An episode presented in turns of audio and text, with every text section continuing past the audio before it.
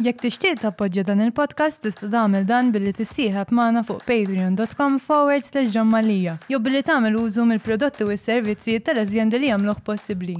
Dairy Knead, 9986-6425 biex iwasslulek ix-xiri għad-dar. Credit Info Malta, Inspiring Confidence.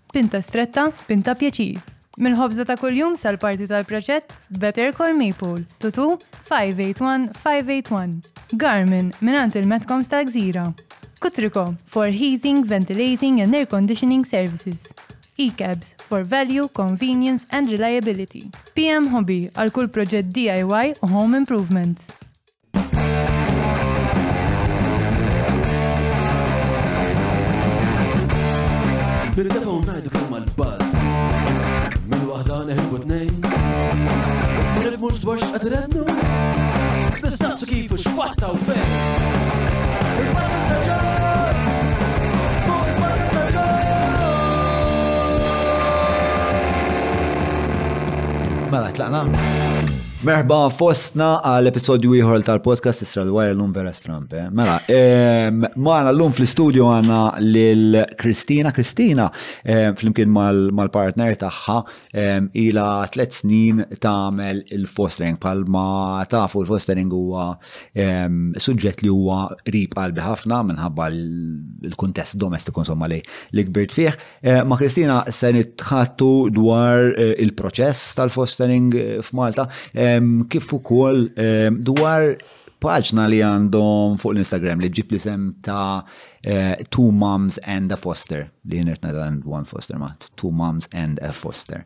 Fej wieħed jista' jsegwi speċa traġitt tagħhom Eh, f'din il-ħajja wieħed jifhem l-imxorta ta' esperjenzi, ferħ, sorpriżi, diffikultajiet, eh, wieħed isib meta jaqbad dan it-traġitt.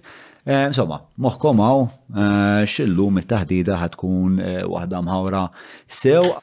Grazzi wkoll grazzi wkoll l-sponsors tagħna li jappoġġjaw dan il-proġett ta' ħsieb u kelma ħilsa li Minn ġimgħa ġimgħa jkomplu jkomplu jappoġġjawna dawn huma Derek Mead, Stretta, grazzi l Maple, il-Garmin, ringrazzja il-Kutriko li jissamruna u kol blejsi biex biex l-esperjenza tal-patruni tagħna tkun aqwa mill-li qatt kienet. Ġirbej birra kisħa tal-istretta, AC, kultant ikun għax naqbar bikju ta' Derek ukoll. li tkun patrun spiex ta' jekk m'intix x'ħed tagħmel bħajtek. Grazzi wkoll PM Hobby lil E-Cabs, ningrazzja lil Olympus tal-li għamruna hemm barra wkoll again eh, bil-viewing gallery li għamel din l-esperjenza dejjem aħjar. U grazzi wkoll lil Credit Info. Eh, Ħeġġitkom seguna fuq il-Facebook, Instagram, TikTok, din naħseb l-aħħar darba li ħanajt dik is-sentenza f'ħajti għax insiba vera diffiċli u ma nafx naqaw wisq.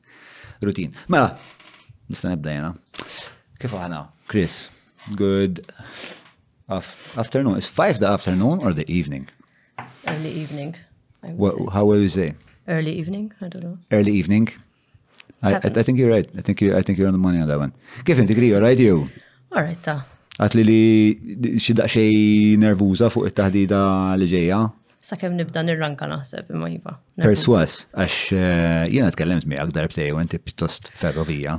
Naħseb l-ewwel kwarta nagħmel sa kem tiġi ftijak. Sa kem tiġi ftijak. Ma l-kwarta fil-kas narmu għat inkutax mbagħad nibdew minn Mela, eh, eh, nibdew speċa Nibdew mill-bidu ta' traġitt tiegħek fil-fostering. Jo, għansu, għajd naqra dwarek anzi, għensiru e, e, nafuk naqra jismu. E, il-ġurnata tiegħek kif inhi, minn xiex tikkonsisti ħajtek, minn huma n-nies importanti f'ħajtek, x'numa l-anijiet, l-ambizzjonijiet. Lallu, saqsitni għaxar. Wiesa, wiesa, wiesa. Tina biografija ħafifa tal-ħajja ta' Kristina. Mela, bdejt ħajti ma nafx irid nagħmel. Mbagħad studjajt eh, psychology l-Università ta' Malta biex forsi nagħmel jew counseling jew therapy, ma mbagħad iddeċidejt li ma kienx dak li rrid nagħmel, waqaft, bdejt naħdem ma' missieri u wara sena għalli allura x'ħat tagħmel bħajtek. Allura bdejt il-masters u għamilt l-MBA l-Università ta' Malta wkoll. ħsibt li Psychology u Masters flimkien tal-Business kienu match li vera ħadmu għalija għax użajt kollox li naf biex um, nejn il-kumpanija ta' fej wasalna l-lum. Um, Mdaħla ħafna fl-sport ukoll, għamilt rugby, għamilt eh, labt football, triathlon, running, climbing, um, ftit minn kollox insomma. no commitment sfortunatament, għax ma nafx għalfej actually, no commitment to any sport, just bdejt. X'kien itik l-sport? Release mostly, just kont immur. Skużani fuq għadu biex xel, mela, eh, nipruvaw nikkalibraw darba l-dej, darba l-dej, insomma, eżagġerat. Tajbek. Tajbek, famuż. Tajbek għalik. Eh, għalija tajjeb, le, bomba, bomba. Mela, ħana ġun saqsijilek, ehm, l-sport, xitik, u inti għadek tagħmel xi xorta ta' Yes, yes, xorta noħroġ niġri, xorta naqbad ir-rota, forsi darba fil-ġimgħa u noħroġ ftit, inħobb imur nom ħafna wara x-xogħol. Ehm, u tom atletikament jew tom biex tistrieħ? No, no, athletically, mur il-pool u namel normally a kilometer ta' ma niflax namel iktar. Sfortunatament, again, kont namel iktar. Um, sa' kem nerġa nirranka, again. um, imma jiena iktar li hija post fejn sta' mur naħseb forsi, I don't know, just a release.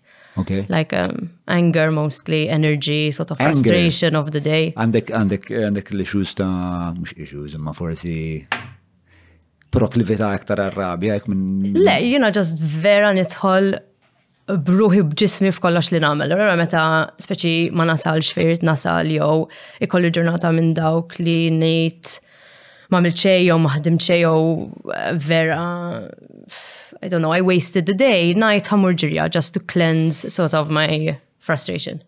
Mm, mm, mm, Alright, ġviri għamilt dan it-traġit akademiku, bnejt relazzjoni ma l-sport, fl-istess ħin eh, tamil ukoll negozju, taħdem fin negozju għandek għandek mhm. eh, l-intrapriża li inti Eżatt, eżatt, family, family run company, jiva un bat on the side jisni għandi consultancy to help startups and streamline their operations għax għalija It comes out of my personality. I like to control a lot. Allura, for me to have a swift and smooth operation is super important. Allura, ġas namel hekk, mostly għal startups, għax kullħat jibda jgħati rasu kullum kien, ma jafux fejħa jiffukaw.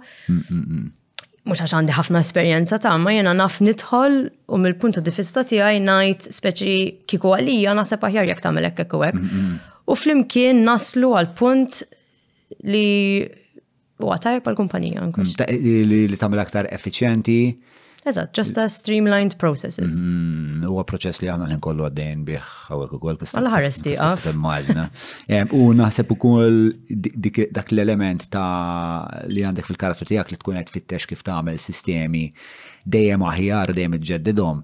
Naħseb ħa tilgħab naqra rwol meta mbagħad ħa nitħattu dwar il-proċess tal-fostering, kif wieħed jinteraġixxi eh, l-interazzjoni bej eh, insomma kif wieħed dejjem itejjeb eh, xi ħaġa f'dan il-każ il-fostering.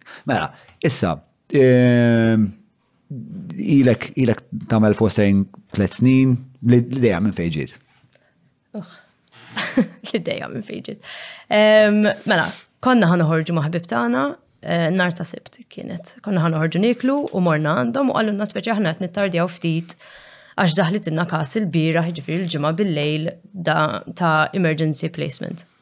U aħna konna kmini għednej ħan ġuħdejk, ħan ġuħdejkom insomma għax kien hemm tnejn li huma biex ngħinukom ftit ħalli xejn xejn nitilqu I mean, iktar kmieni. U meta tħanna rajna tfal tagħhom, ġifri huma għandhom biex titfal u mbagħad tliet tfal oħra li kienu ta' kellhom età ta' 5, 7 and 9. Il-każ it's don't know how to describe it as in it was horrible. Vera kienet kas tal-waħx li tgħid daw it-tfal kienu fi stat li kollha kienu bin nappies, kollha kienu um, abbandonati, massive neglect, no verbal skills. And the eldest was nine, ġifiri, the nine years li the tifla miskina tal-met xejħ li fabbus. Allora meta tħalna aħna another two adults tajt u għalmenu, you know, four adults they can control the situation, pero eh, it wasn't a situation that could be controlled. Sfortunatament huma ma kellhomx boundaries, ma, ma kienu jafu kif jgħidulna x'ridu. Laqas biex jisaqsu għal ftit il-ma, you know, jew jekk għandhom il-ġuħ jew jekk iridu morru l-bathroom, xejn no verbal skills at all. Umbat jisu fil-tlieta ġew il-social workers għal-jom, kull ma kellhom bżonn lejl, sakemm huma mbagħad jimxu għal-home ta' fej kien hemm il-kura permanenti. U għadu hemm, u aħna ġas poġġejna fuq is-sfan u fil-kwiet ta' assaċ ġast you know, when you sit down and you breathe to try and understand what just happened, what where those three hours of your life went. Mm. Um, In those three hours, what were you trying to do? stop them from breaking, climbing, hitting or killing. Eh, like, okay, ġifiri huma kienu fighting between each other, killing hypothetically ta' ġifiri, like jigram fawmana, kellhom kelba zaħira, ġifiri dejjem jiġu wara jaqbdu għaw jitfaqwa fuq sufan, just literally firefighting for a whole three hours. The, the four of us. for grown women, ġifir, it was, it was an experience to say the least. U kif, eh, kif dawn it-tfal eh, spiċċaw għand il-ħbib ta'kom? Għax kellhom bżonn jħorġu għom il-familja tagħhom, però għax kienet bil kienet il-familja biologika tagħhom, ġifieri skoprew dak il dak inqar li daw it-tfal kienu qegħdin f'dan l-istadju. Ma nafx, ġeneralment imma jkun hemm telefonata jew rapport, mhm. is-social workers imorru jaraw xem mhux m'hemmx, u mhm. bat sakemm ehm, jagħmlu l-proċess tagħhom idaħlu l-pulizija u s-CPS u speċi jgħidu aħna rridu noħorġu għom id-dar, npoġġu għom hemm, u mbagħad forsi mmexxu għom x'imkien oħra. U dak, obviously, it takes time. Ġifiri, it's just until they had to sort themselves out and iron it out. Eh, ma il-ħbib tijak eh, kellhom xi stħarriġ kienu. U ma foster carers u koll. U ma foster carers. Minn dejjem kienu foster carers qabilna. U ħana konna nafu li kien hemm speċi don't even know what it is, a calling to be a foster carer, especially. And we knew of it in its existence, but we never knew what it was. We never thought about it or spoke about it. We never thought it could be something that we would do. mm It was this experience that launched us into it, and and we saw the severity of the situation and the need that there is.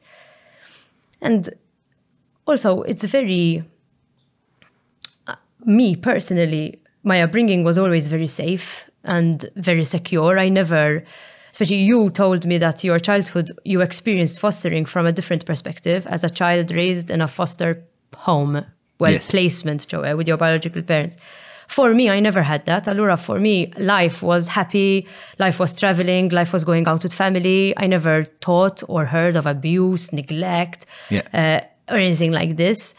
So this was a shock to my system entirely. A, sh- li xaħat jiġi fuq ekar li kien id dik it-tifla kienet abbużata speċi, you'll be like, ha, ok, miskina, oh, I guess. Imma li tara, literalment u dimek tara, tara t-tezvolġi u tajt, this is what abuse does, you know, this is the level that it gets to. It just, I, I always get goosebumps when I talk about it. It's, it's just raw. So we saw it and we lived it for three hours. Yeah. and then we went home and two years later we became certified foster carers and and and uh, throughout those two years, what was, how did you process it in order to arrive to the conclusion that this is what, what you want? Um, let's say, what did you expect that fostering a child would give you?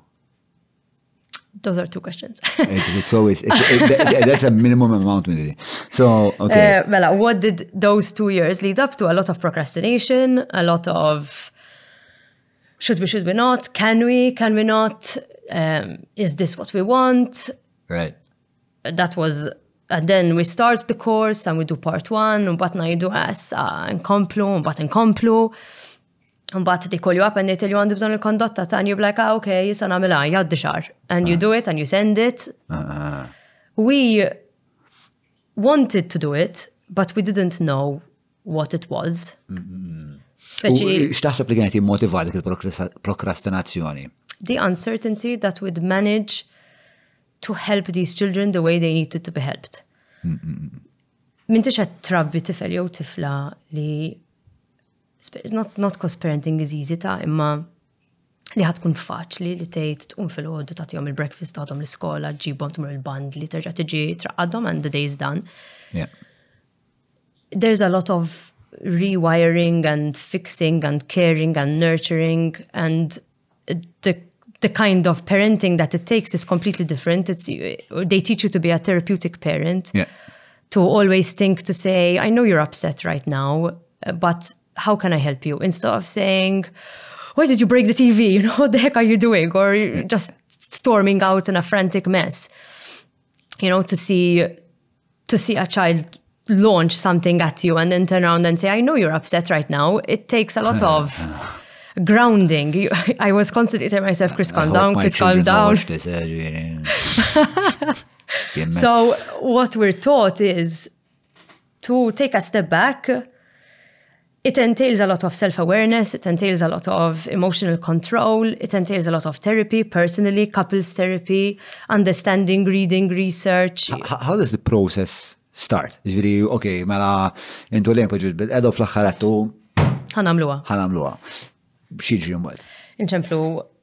Eh, l-FSWS, il-numru huwa 1778, u tajdilhom li inti interessata biex tibda l-proċess tal-fostering. U ma jintaqgħu miegħek, ġifri kollok li nixil meeting fej jisaqsuk għal fej u fej smajt dwar il-fostering u xtaf dwar il-fostering u jekk qatt int esperjenzajta. Mbagħad jevalwawk u jgħidulek speċi ok, aħna naċċettaw li inti trid tibda l-proċess u tibda l-proċess. E, e, l-evalwazzjoni x'tinkludi? This is just an initial conversation, just basically to see if your intentions are pure Jow, jekk inti ħassaqsihom kemm ħanamel allura minn kull tifel u tifla and then they'll be like thanks to the door. Stand, no stand, it's really. Eżatt. Erba saqqiet, ġimbattu, worth it, eh? Unfortunately. Yes, yes. Um, but once you're approved, you get the, you get onto a waiting list, and when they have a nice round number, they start the course. Okay. Um, u il-kors, xie rigedi? Kemmu twil, kemmu impenjattiv, xtallim fil-kors? Naħseb li il-imbidel xiftit. Aħna meta morna kena siġġimat of uh, what is fostering, so three hours a week for six weeks from five till eight. We had like presentations, case studies, discussions. Uh, we had their pediatrician speak to us, we had their uh, psychologist speak to us, and we had a foster child come and speak to us and foster parents.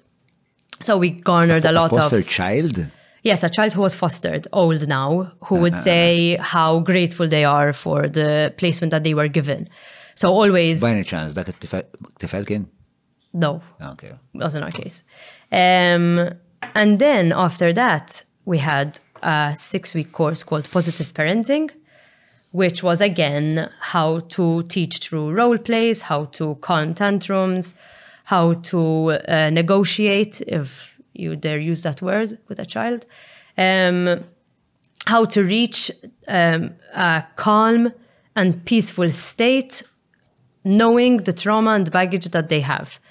And then after that, you have individual interviews with an assigned social worker where they come home and they meet with you on a more personal level where they try to divulge information about how you might react or what your intentions and goals are to get a deeper perspective into why you want to do this journey. And then you submit what I said, all the documents, and then it's just a waiting game basically you get approved by the board once you're approved you receive a phone call to which you can say yes or no well okay uh, u uh, ma I'll do the one question at a time thing. uh, kem ħassejtek li li ħejjetek dan il-proċess kollu għax qed nisimgħu qed nisma' ktajda biex jinstama li huwa pjuttost proċess metikoluż, impenjattiv li jinvolvi ħafna ħafna stħarriġ li speċa f'moħħi għandu jirendi pjuttost ġenitur preparat. Kemm tħoss li kont fil-fatt preparata? Naħseb li konna preparati f'dak il-ħin u l-mument.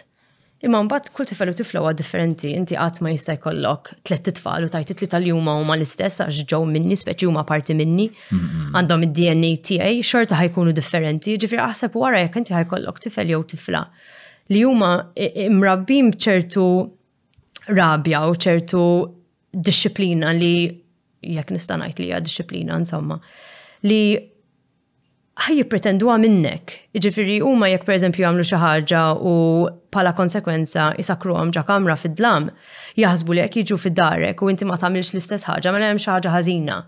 U jkomplu jippruvaw jagħmluha sabiex inti turihom li iva hekk għandek bżonn tagħmel, hekk għandu bżonn isir li inti ssakkarhom ġo kamra, ġifieri li it-trawim tiegħu ma kienx ħażin as such u li mm. kulħadd qed jigdeb li mm. n-nies jagħmlu hekk, it's a self-fulfilling prophecy li Għalek, isna, għax l-ek li t-tinsaqsi, biex ta' xem fil-biologija tal-bniedem, jekk biex ta' inti marfa f'dil ħaġa, li iġġielu mux jifraħ li fl-aħħar jew iħoss li jista' jistrieħ għax fl-aħħar sab xi ħadd li qed jieħu ħsiebu u flok isawtu ehm, qed jistaqsih isma' naf li tħossok ħażin imma x'nistgħu nagħmlu. Fis-sens għalfejn il-bniedem eh, jew daw daw tfal iffittxu li għaw ġarbu l-konsegwenza li kienu ġarbu qabel, meta dik il-konsegwenza hija ċarament waħda Kera li ġib ħafna sofferenza. Nista' ngħidlek mill-esperjenza marfa minix ġifieri daw l-affarijiet ma nafhomx esta ċax studjajthom imma esperjenzajthom. Eh, li tal-limt u għalli daw it-tfal jħossuhom sikuri f'dawk li jafu. Aħna, anki mm. aħna pala, pala adulti, nejdu, mm. jina minn dejjem kont namelek, minn dejjem ħassejtni ferħana, jew minn dejjem kont nħossni sikura, l-ura ħan kompli mm. namelek. Better the devil you know. Eżat, to, to think, uh, when you say think outside the box, or go out of your comfort zone, or delve into the unknown, these are all expressions that we dabble with. and that we say like, ah, today I really broke out of that comfort zone. But for a child to be taught that the only thing that they're worth is to be abused or to be neglected or the only reason they're given food is because they were deemed to be well behaved. And then they come into a home where the cupboard isn't locked and the fridge is free for all and if they ask for a glass of milk, you're going to give them a big one and not like a shot of milk or something. And they'll be like, what are you doing? What's wrong with you? Mm-mm-mm. This is not what I'm used to having, not used to what I'm doing. So they don't know how to react to it. Mm. The, the theory of a self fulfilling prophecy is that for their entire life, however short or long it is, they've been shown that they're not worthy of love and not worthy of respect or not worthy of being hugged or to be made to feel safe. So when you show them all those things, they cannot handle it. It's like you're over you're trying to override what they're used to. Mm-hmm. So then they start acting badly or what they've been taught was badly to get the response they're used to. So they try to elicit something they're used to experiencing. Mm. So if with one adult when I raised my voice I was locked, then with this adult if I raise my voice I should be locked. Mm-hmm. But if instead you're therapeutic and you tell them, I understand that you're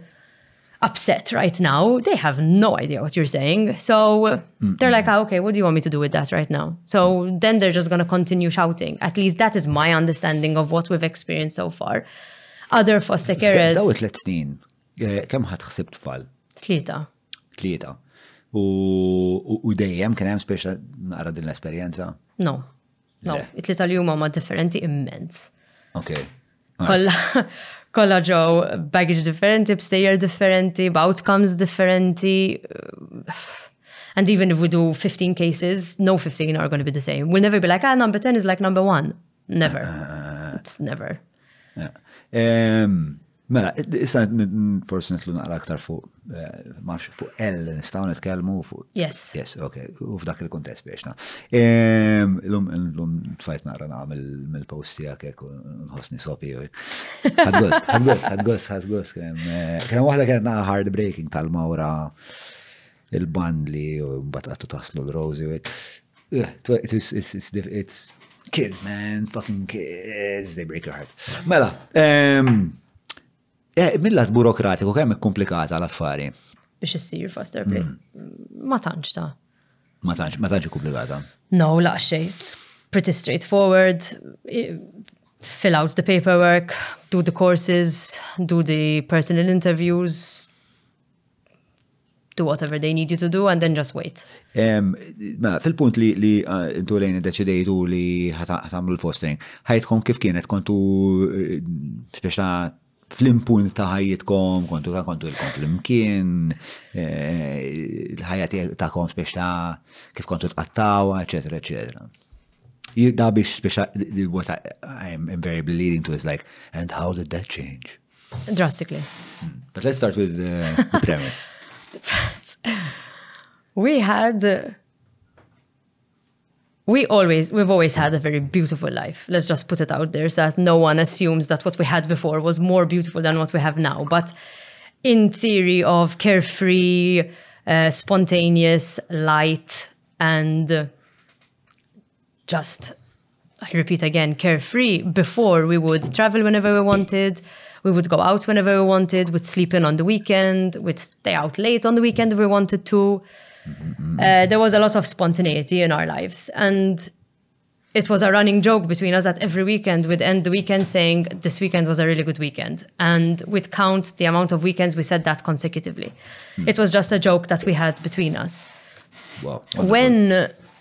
it was, it, it is wonderful, but it was wonderful. Now, I think one of the struggles we've had over the past three years was that our relationship has molded in a way that we didn't uh, anticipate it would mold. Right we never thought that would be parents. Uh, better yet, we never thought that would be foster parents. It wasn't something that we just woke up saying, like, oh my God, let's do it, we're going to do it.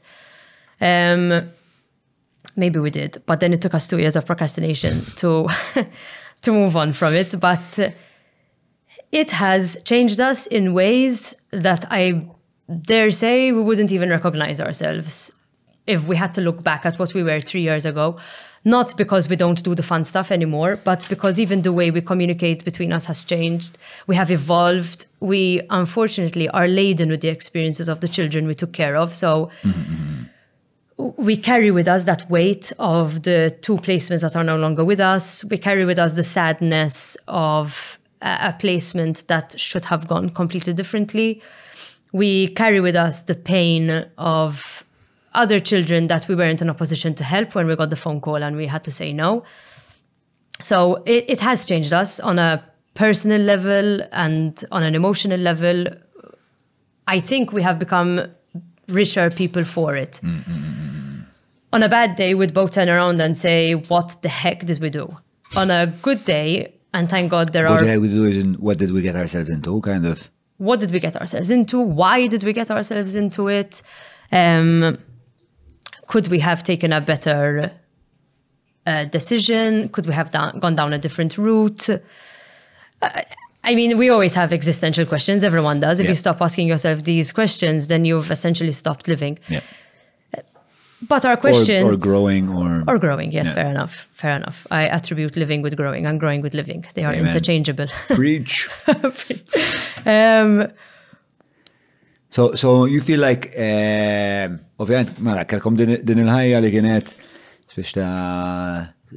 spontanja, mill-istan fem romantika u li jekk eh, deċidejtu li l-ġimgħa diħla sifru tlaqtu, kelkom dil-ħajja spiex ta' li eh, kulħadd jixtieq, maġan.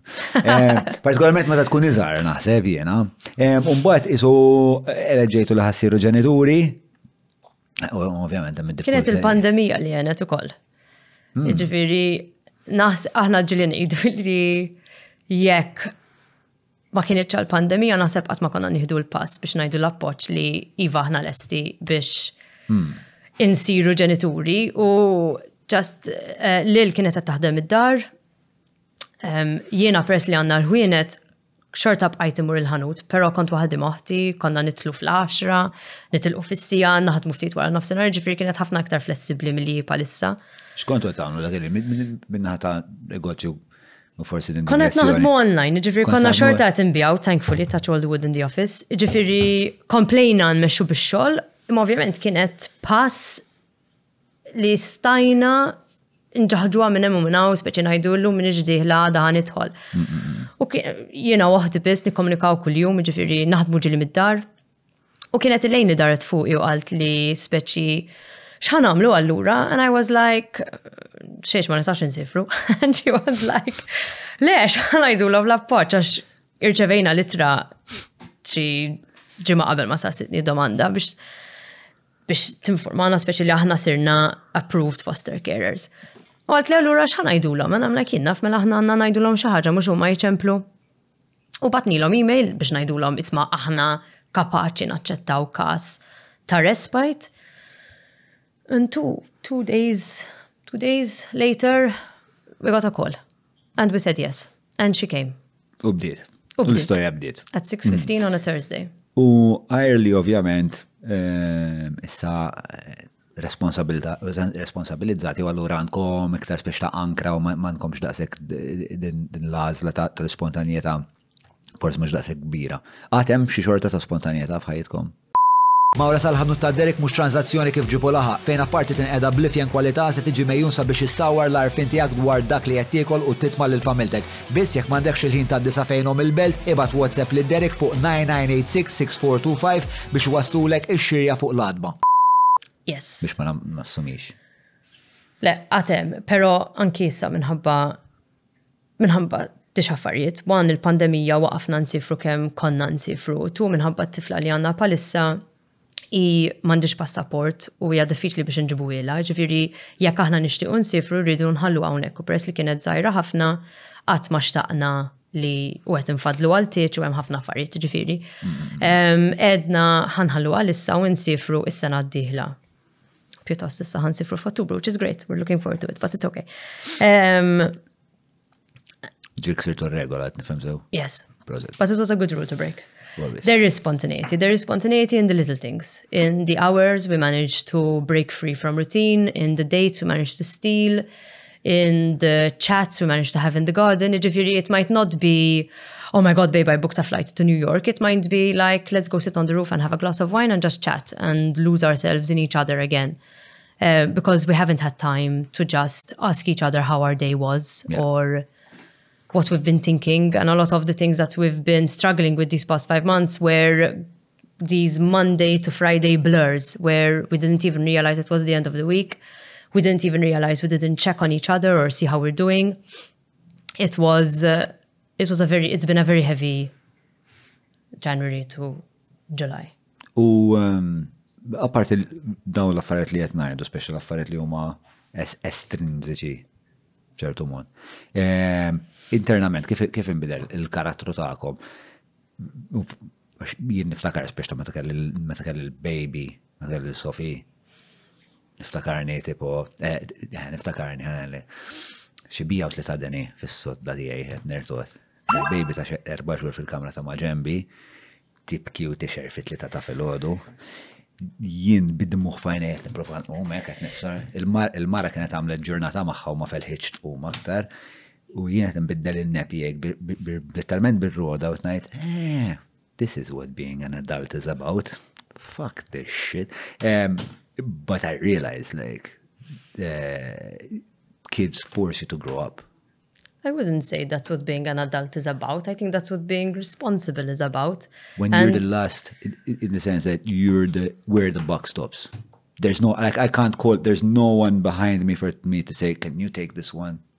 There is no no bullet yours.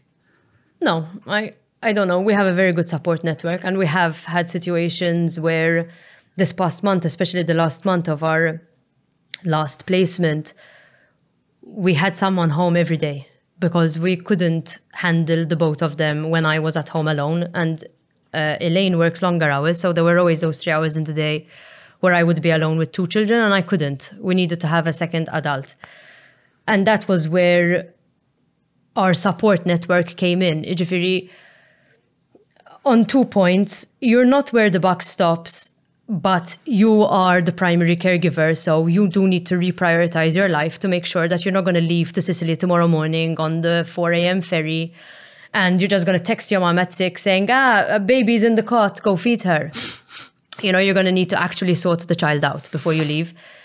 But it doesn't mean that you cannot do it. You just need to be responsible to make sure that there is someone else to do it. And that is why fostering in a way is different to parenting because not only are you responsible for a child, it's someone else's child. And if you don't have a good support network, it can get very draining physically and emotionally because they take more from you. You, you need to be really vulnerable with these children. And sometimes when they take more of from you than you can actually give them, you need to take someone else's strength. Mm-hmm. And that is where I think uh, it is important to have a fantastic partner, which again, touch all the wood in the room, I do and a very strong support network because it was my mom and it was my uh, mother in law and it was our friends who came home and just sat with me and helped me when we needed it the most. Ġvinti kont eh, eh, responsabli pri l-tarbija?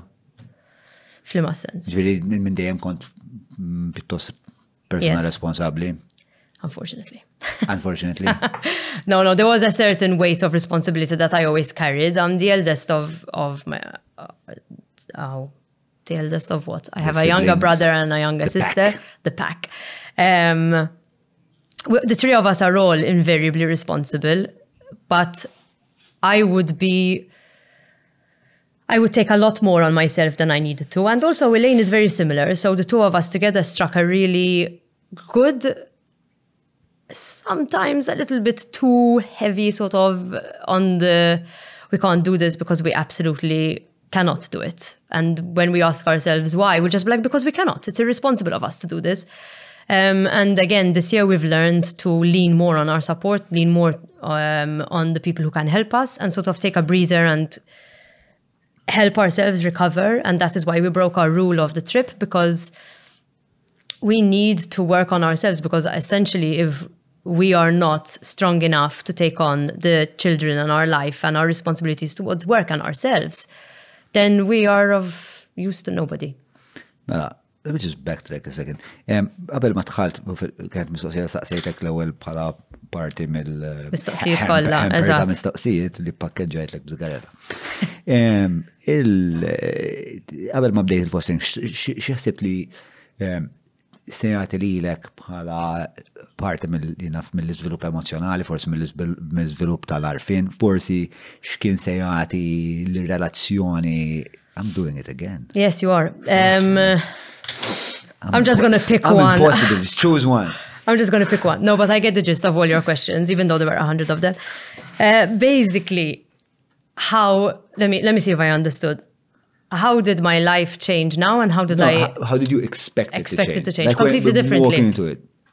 completely differently we thought that we could handle anything we were like how ah, we've got this we're fine we did the course of course we understand these children of course we understand what they need we're totally on it we're two very intelligent adults we read we researched we prepared the house but we're what did good. you expect to get out of it like what what what, what was in it for you Tipo like, per esempio, bombi. I don't think we expected anything. There were, there's nothing to get from fostering, but a few successes and a lot of heartache. So whoever goes into fostering expecting to take something from it, other than it being a totally altruistic take, like, oh my God, I helped someone else. Yeah. yeah, yeah. You're in it for all the wrong reasons because you will you will just suffer for it. There is nothing that you can get from fostering but the feeling of, oh my God, I helped a child, I helped their family, I helped them reunite themselves. And for just a brief moment in our lives, we stepped into the heartache of someone else's. Mm-hmm. And it's it's a beautiful experience because you get to touch the intangible. You get to move in and feel someone else's pain, mm-hmm. experience someone else's loss, you are essentially taking care of their most prized possession, something that was taken away from them, either voluntarily or by force, but it was taken away from them. And in you swoop with all your high and mighty, I'm going to take care of this child in a better way.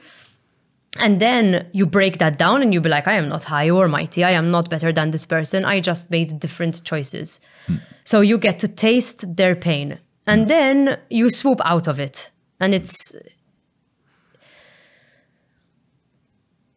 I can't find the word to best describe what it is, but it is. Hmm. Ġviri, il-high point Huwa dak dak li immaġinajt jiġri huwa simili ta', ta li kienet ħossommi li li l-altruizmu li tara xaħti bati u li inti mill-kapacitajiet u mill-pozizjoni li għandek fħajtek u minn int int minn int tistatejn. Yep. Ettik eh, sens kbir ta' Komunità. Mm.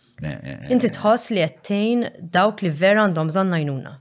Minn flok li tajt tajt donazzjoni jew mort imexxi l-klib ta' Noah Zark jew mort nejn il-dak, you know, imexxi jew iġor jinnaf the shopping or something like that.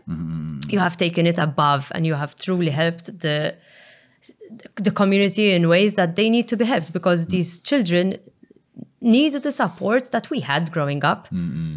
You know, the, what I, I like about what you just said is, is very interesting because there's, there's a, a, an element fil-bniedem li jkun li huwa gratifikat minn affarijiet individwalistiċi ħafna. Eh, naf men li terbaħ medalja jtamel flus li kollok biznis li jkun suċċess, it's very individualistic, it's very mi mi mi.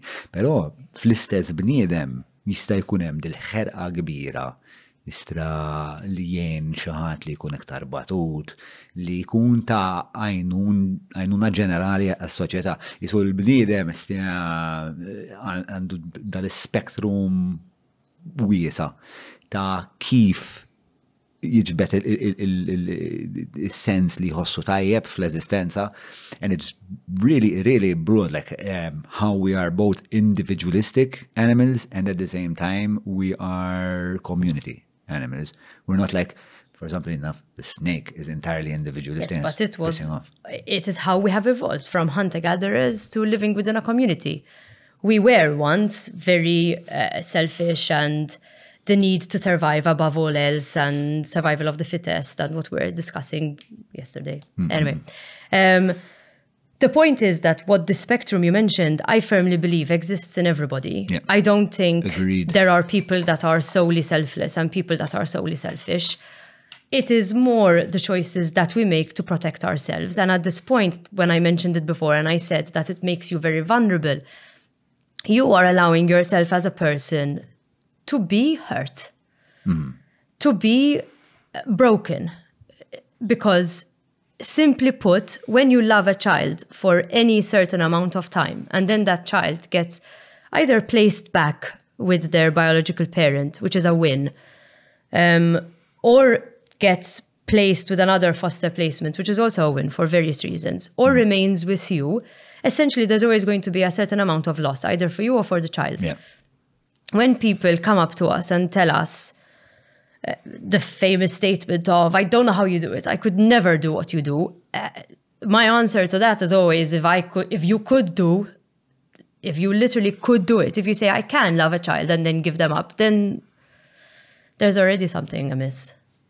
because no no human who is compassionate and who has a sense of community and a sense of belonging and a sense of want and need and desire and everything that we've been taught to respect in a community setting can love a human being for a certain amount of time and then be like, ah, oh, what shall I pack the bags now or tomorrow? Yeah. I don't believe anyone is capable of doing that and is in the fostering realm. Yeah, yeah. Or is in the realm of thinking about fostering, that's also okay. Yeah, yeah. Uh, I think there's also, um, jinasib li hemm nies li huma, jixa hemm nies ħiliet differenti u daw huma anka ħiliet emozjonali differenti jew tendenzi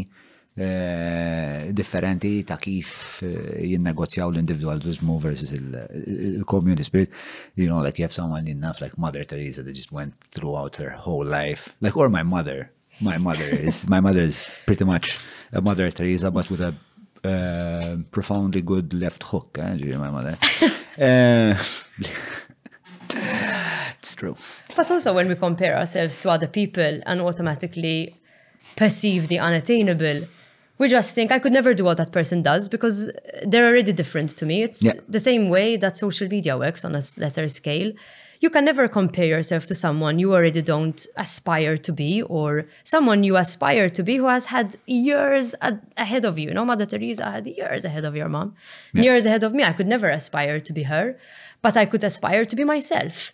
mm I, in my own way, feel that on some small scale, I can lend to the community. Now, whether it is medal giving level or whether it just is helping one person level it's still helping you're still contributing yeah, yeah, yeah. and as a unit we were it, it was ingrained in us growing up even by my mother and by my father and by our family as a whole that when we lend to the other and form a chain then you're automatically much stronger than if you were a single link so and also something that I firmly believe in is to do to others what you want them to do to you. I would never expect to be abandoned on the street and someone just walks by me and be like, "Excuse me, you're in my way." I would much rather have the question of, "Can I get you a glass of water?" It's not going to put you out. It's just a glass of water, but the question would help me tremendously. Yeah. We see these memes everywhere of you never know who you're smiling at. They might be having a bad day and we heart it because we're like, yes,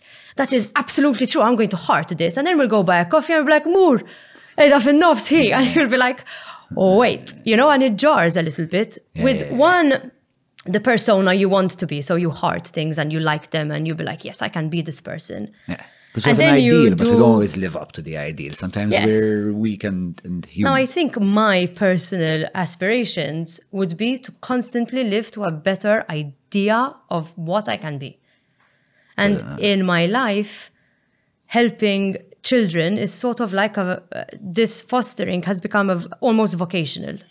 I feel that I have to give it my all and my entire spirit to make sure that not only do I help the children that we touch physically, but also try and make the system a bit better in whatever way.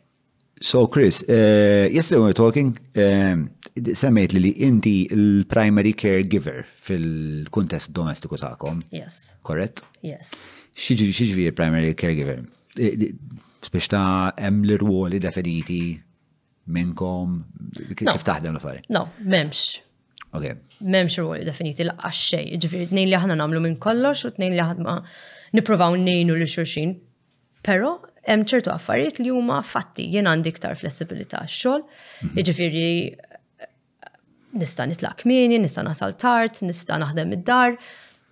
Li għanda xogħol kompletament differenti, ġifiri jirrikjedi iktar minna li perfect, it's absolutely fine, she's fantastic at what she does. I wouldn't have it any other way. Ġifiri għatma najdu, għatma tiġi d-daru najdila, għalix dom daqsek xogħol, najdu la everything's under control, work till whatever time you need to work, you know? Um, and that is a balance that we've struck that works. But in every relationship, there's always going to be one that will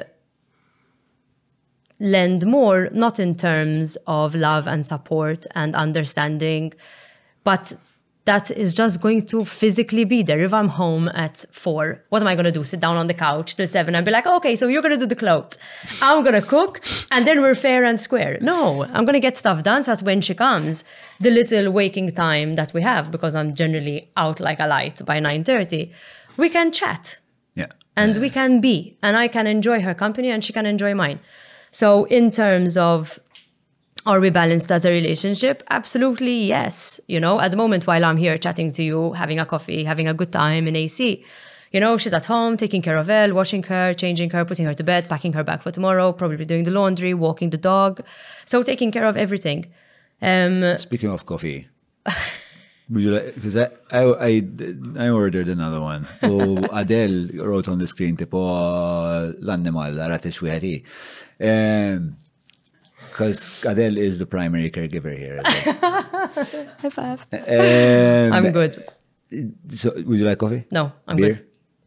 I'll have beer later. Okay. Eh, mela, eh, interessanti, jiena il-sujġett eh, tal-ġenituri interessani spiex ta' minnu nifsu għax anka spiex ta' jiena nbaħt li spiex ta' sir ġenituri ndunajt li ma kelli l-ebda tip ta' training fih li fli xi darba kelli ġenitur għalla li Spiċ ta' stajt nħares lejh u spiċ ta' suppost jina subkonxament qed nieħu noti biex imbagħad nużhom f'daqqa waħda qed nieħu ħsieb dil-ħlejqa spiċ ta' the only training you get is that you were once somebody's child, that's it. Uh, which is which is very bewildering. Um, but but I think there's also an element of instinct. There's some things li speċa tibda tifhem waħdek ma nafx kif. Um, però huwa huwa rwol speċ ta' dejjem jevolvi. Jevolvi anka għax inti spiex ta' mażmin bħala ġenitur eh, tgħaddi minn ċertu tiġrib u minn dak it-tiġrib inti tnissel lezzjonijiet allura inti dejjem isek titjib bħala ġenitur għax spiex ta' tixkana darba tnej mbagħad tibda titgħallem għal fejn xkanek. Imma mbagħad fl-istess jien ukoll inti ikun hemm żewġ Ikontinju, u mżad dejjem, inti li qed dejjem suppost qed titjieb bħala ġenitur. Mbagħad ehm, fl-istess ħin għandek it-tarbija jew it-tifla jew it-tifel li dawn qed jikbru. Allura il-problemi ma jibqgħux l-istess, dejjem qed jivolvu jevolvu wkoll. Kemm issib ħin, kemm intu ilejn issibu ħin biex tirriflettu fuq it-traġitt? Kuljum ta' Ma nix għazla, għazin, again, jaħġa li tal-limna dal-axħar f'dan il-kas li kena, konna, jena kont nieħu ħafna noti, speċi xamilċ, mamilċ, kif eh, irreagġiċi t-tifla, xamilt jiena. Iżom djarju, ġviri? No, no, literalment, kelli l-mobile dejjem fuq jew nieħu videos, kont nħalli fuq il-counter u nieħu videos, għannax bżajt li jiġri xi ħaġa u tu għax rid nitgħallem minn dak li kont qed nagħmel. Ġifieri hija ħaġa jiena minni nħobb naqra, nħobb nitgħallem, ma nistax nagħmel xi ħaġa ħażina u mbagħad ngħid hawi ah, għasada forsi naħsibha darbtej, you know. Nerġa' nirrefletti, nerġa' naħsibha nitħaddida ma jlejn, ġifieri we would sit down in the evening, and I'd tell her, oh my god, Han, this happened today and I reacted in this way. I totally lost it and I don't know why I lost it. And then we'd promptly make an appointment with our therapist and speak about it and learn from it because Again, you stop learning, you stop growing, you stop growing, you stop mm, being. Mm, mm, da u lo xorta ta' mħuħ. Utli ħafna, eh, da nis li jirriflettu, speċjali inti tiġbor id-data kif qed tajt inti bil-mobile, u bat tirrifletti fuq dik id-data, tagħmel analiżi, u bat minn dak l-analiżi joħorġu l-actionable points. But we were trusted with a child that we mm-hmm. had to help. Mm-hmm. And not just help with homework, we had to rewrite everything that she's learned. Mm-hmm. You cannot rewrite what someone has learned if you don't stop to think about what the processes are. Mm-hmm. Why is this reaction eliciting this behavior? What did I do that might have been completely different? This is what makes fostering difficult. It's not a manual. And there is the A to Z of therapeutic parenting. There is a book that you can read what happens yeah. when they spit, what happens when they kick. But aha, no one is fresh out of a manual. You know, mm. it's like you're not buying a washing machine that comes with its nice, neat 300 page booklet in different languages. You just sift to English and you're like, oh, cool, okay, press this button. it's not, it's it's just not that way. So, sure. you stop learning, Alaharis, you stop uh, asking. Uh, we had everyone we knew on speed dial from different professions, uh, whether it was in behavioral therapy, in child psychology, in play therapy I was just like, what did I do wrong? And where could we have done something better? Mm-hmm. And constantly, it's not only with displacement, it's with every placement, even our very first child, where I would have said we would have been greener than this plant you have here because we had no idea what we were doing not only did we not have the nine months to lie down and, you know, feel the baby and be like, oh, let's read a book about the first trimester, you know, we got a one year old in a caricot, in a vest,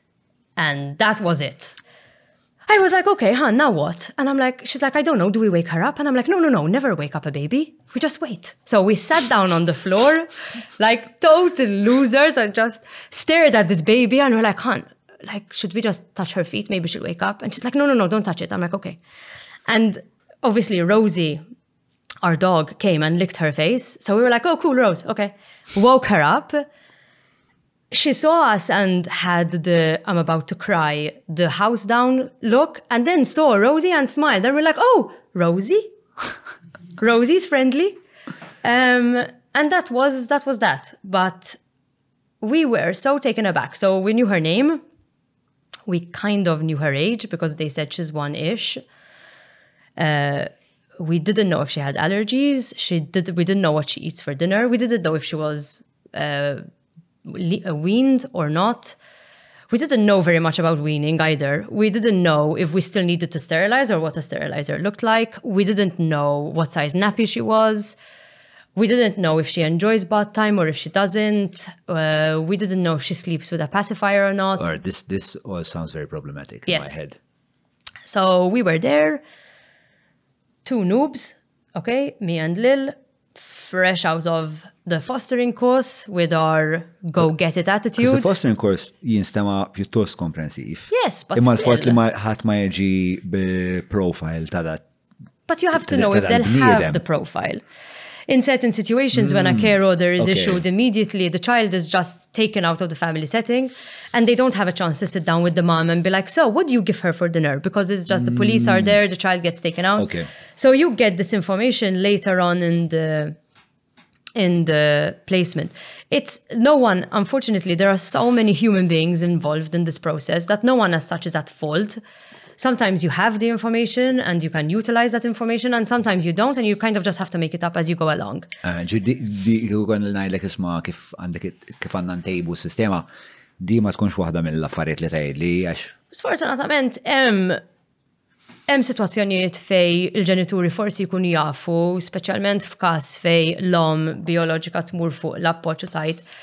jien għadha f'sitwazzjoni fejn għandi bżonn lajnuna kif tistgħu tgħinuni.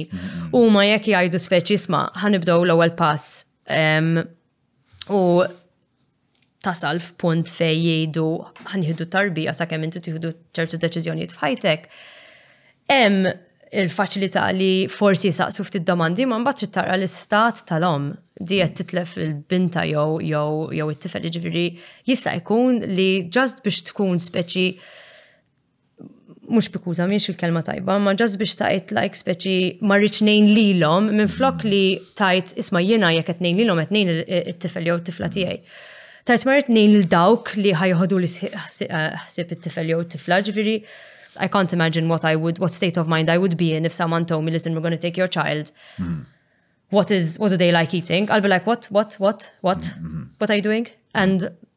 it's I, I, would never ever ever ever want to be in their position and even mm-hmm. though we do get a taste of it when they say listen we're going to work towards reintegration it is a path we know we have begun so the beginning of the road we're on is towards reintegration It's whether it's long or short it's the path you're on. So we are yeah. constantly preparing ourselves every night. This is might be the last night we sleep with her, you know, this might be the last night. Inti ħares li għax, inti il-moment li tidħol tarbija jew tifel jew tifla fħajtek, tajt din l-ewwel ġurnata tal-reintegrazzjoni.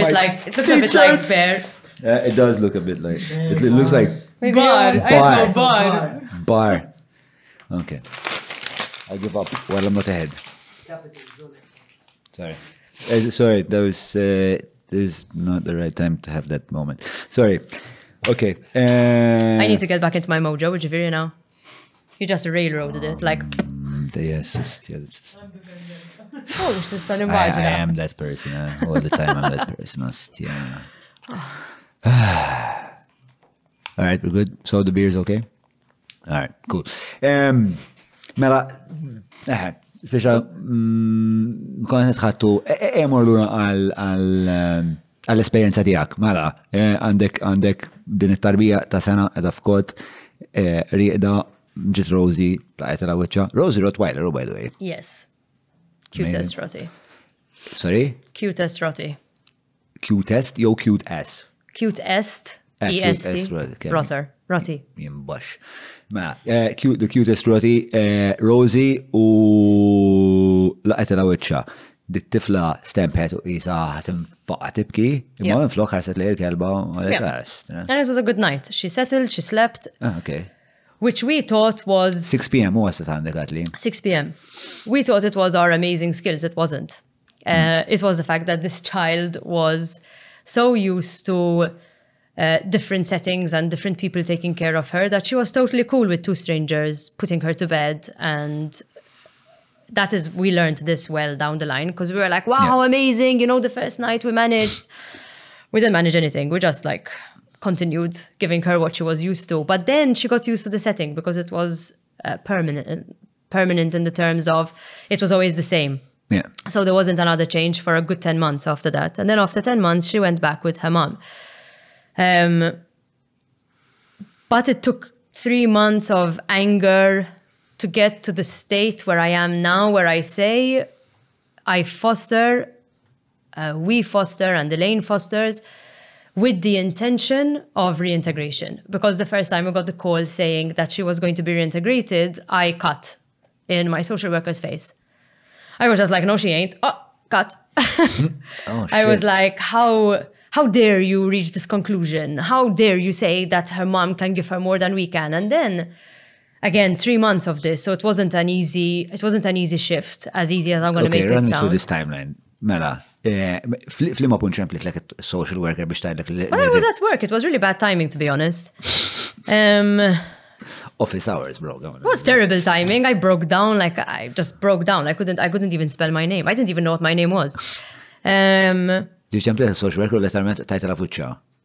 Yes. But by that point, she had learned how candid I was on most days, and even though I don't can't find the bush and I cut straight through it. Hmm. Um, she got used to me and she was. oh, I, I can't understand why why you got in, in her face. Because she didn't want uh, the. I didn't want up. the news. She didn't want the news. It wasn't news I wanted to hear, so like a mm-hmm. child I was like, ah, didn't hear it, pop. Reception! Reception! Għalli kieku mux ħana l-reċem, belli.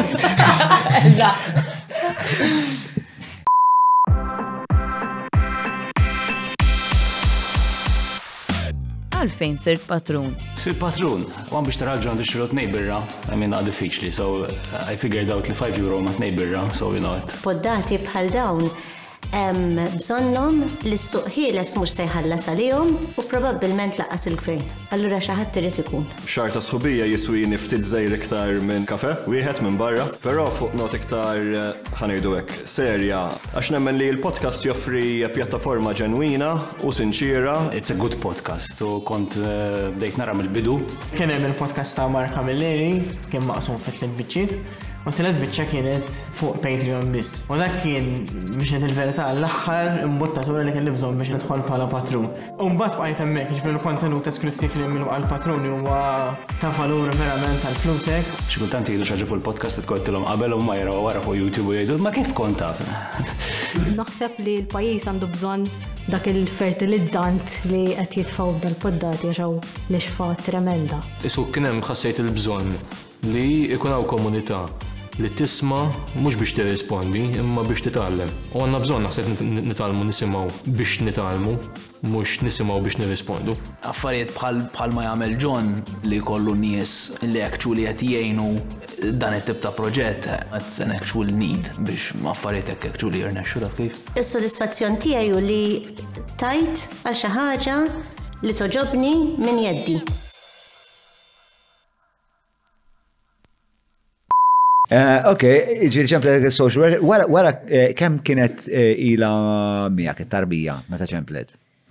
Mela, she was with us for a total of 10 months, reintegration was two, so that was eight, and it took us I went after six months, six months of her being with us. And again, because it was during COVID, there was limited exposure to her family. There was We were lulled into this false sense of being where it was just the three of us at home because we couldn't go out, we hmm. had a lockdown, we couldn't move. So it was us and her, her and us, and we were happy. Mm, mm, mm, u għara sitt xhur ġit l-aħbar. U għara sitt xhur ġit l-aħbar ċemplit li għalt li rati speċi qed jikkomunikaw mal-om, raw li qed tagħmel ix-xogħol li għandha tagħmel, telqet mill mill-missier tat-tarbija, sabet xogħol, għandha f'ħajjitha f'posta essentially hija pjuttost żgħira, ġifieri meta meta sirna nqafu li meta jkunu żgħar it's better because there's more energy and strength to get out of this bad routine kind of and kudos to her because uh, hats off, you know, she managed. And after we were resentful, we were supportive. And I think that was a necessary learning curve for us, li speċi the stages of grief aħna dornijom mux darba ta' ma bizbilju drabi naħseb li we go from acceptance to denial, to grief, to loss, to happiness, to it's like a constant roller coaster of, of crap. U din eh, l-axħar deċizjoni toħodha l-qorti? In this case.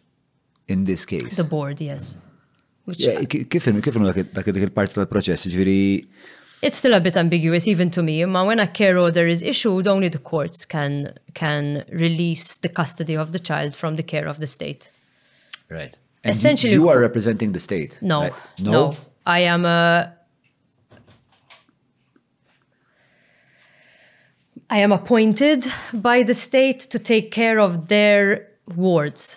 Ġiri, meta meta tifel jew tifla eh, tmur minn idejn l-om jew il-ġenituri bioloġiċi. Iva. Mm, u bat mur fl-idej fl-istat, per eżempju. Tinħarġ jew care order. Tinħarġ care order biex tiġi fl-idej l-istat, u mbagħad wara li jinħarġ dak il-care order li jgħid isma' din it-tarbija responsabilità tal-istat. U tiġi għandek, per eżempju, dak il-care order xiġri. Tibqa' tibqa' jibqa' nfurzat. Eżatt sakemm jinbidel xi ħaġa. Imma assaċ kull każ huwa differenti. Il-care order jaqa' biss meta t-tarbija tmur lura għand il-ġenitur. Meta t-tarbija tista' tmur lura għand il-ġenituri u mbagħad ikun hemm kuntratt, social contract bej eh, eh, l-FSWS u l-om jew il-missier bioloġiku fej bioloġiku fej jgħidu speċi trid issib ix-xogħol, trid tinqata' minn dan il-persuna jew daw il-persuni trid ssib post, trid iżżomm xogħol għal sitt xhur. U ivarja, ġifieri għal kull każ.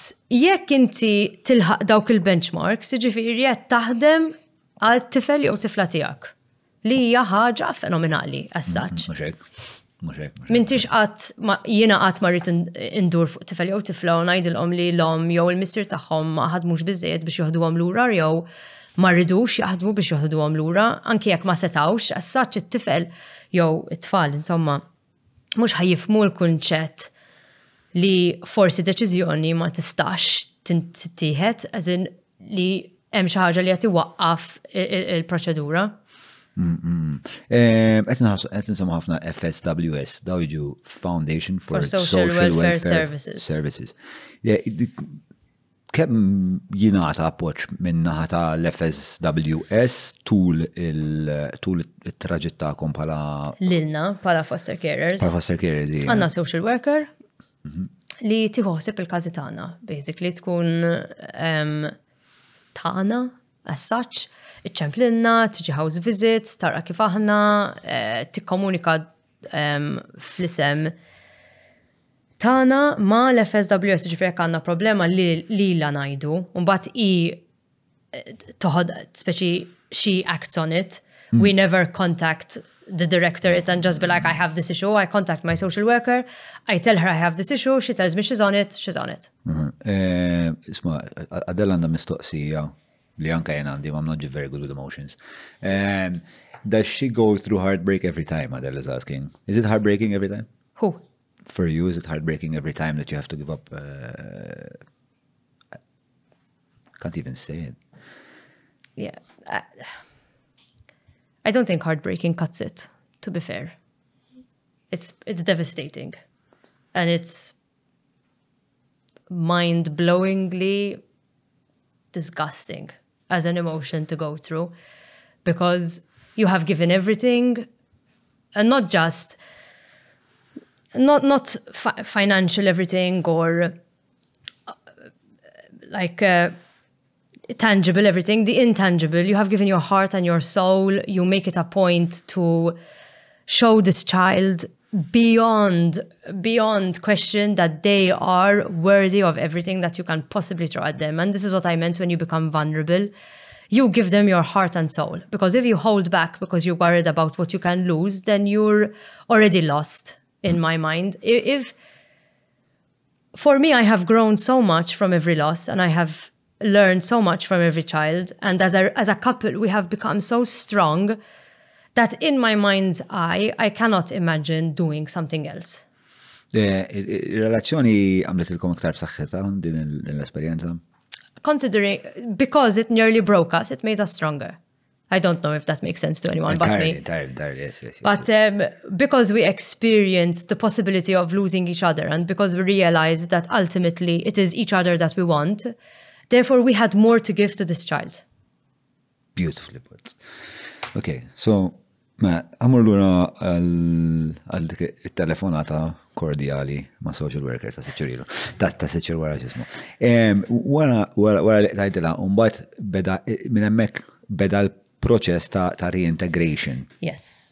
Reintegration eh, with the parent, ġiri xieġri tibda tilta aktar mal-ġenitur biologiku, mal-om, dal-kas. The supervised access visits, which mm. the biological parents are always entitled to, ġifiri those are shortened to SAVs, We at the moment have two hours a week with our current placement. Jafiri, for two hours of the week, I need to make myself available, or Elaine needs to make herself available for our child to see her biological mom In the case of our first child. Il-laqa fejn tiġri? skont, jista' jkun online, jista' jkun l-appoġġ, ġifieri pjetà tista' tmur, jistgħu jażlu jintaqgħu pereżempju l-bandli, skont il-każ. Jekk hija każ fej ħajkun hemm ħafna vjolenza forsi jew ikun hemm ħafna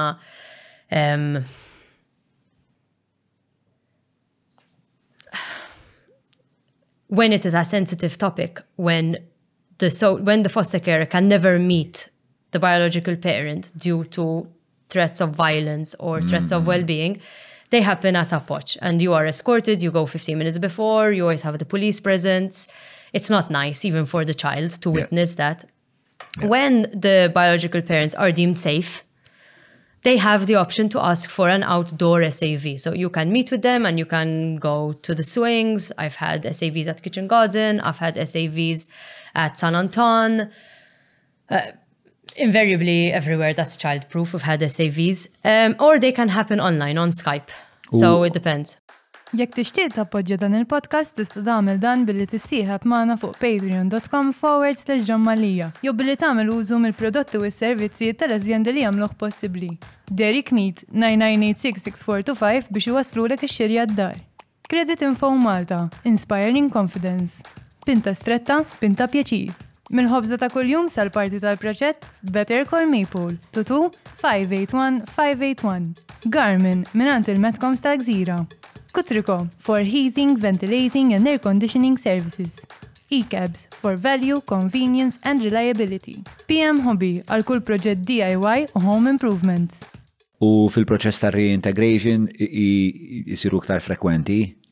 iktar frekwenti u jkunu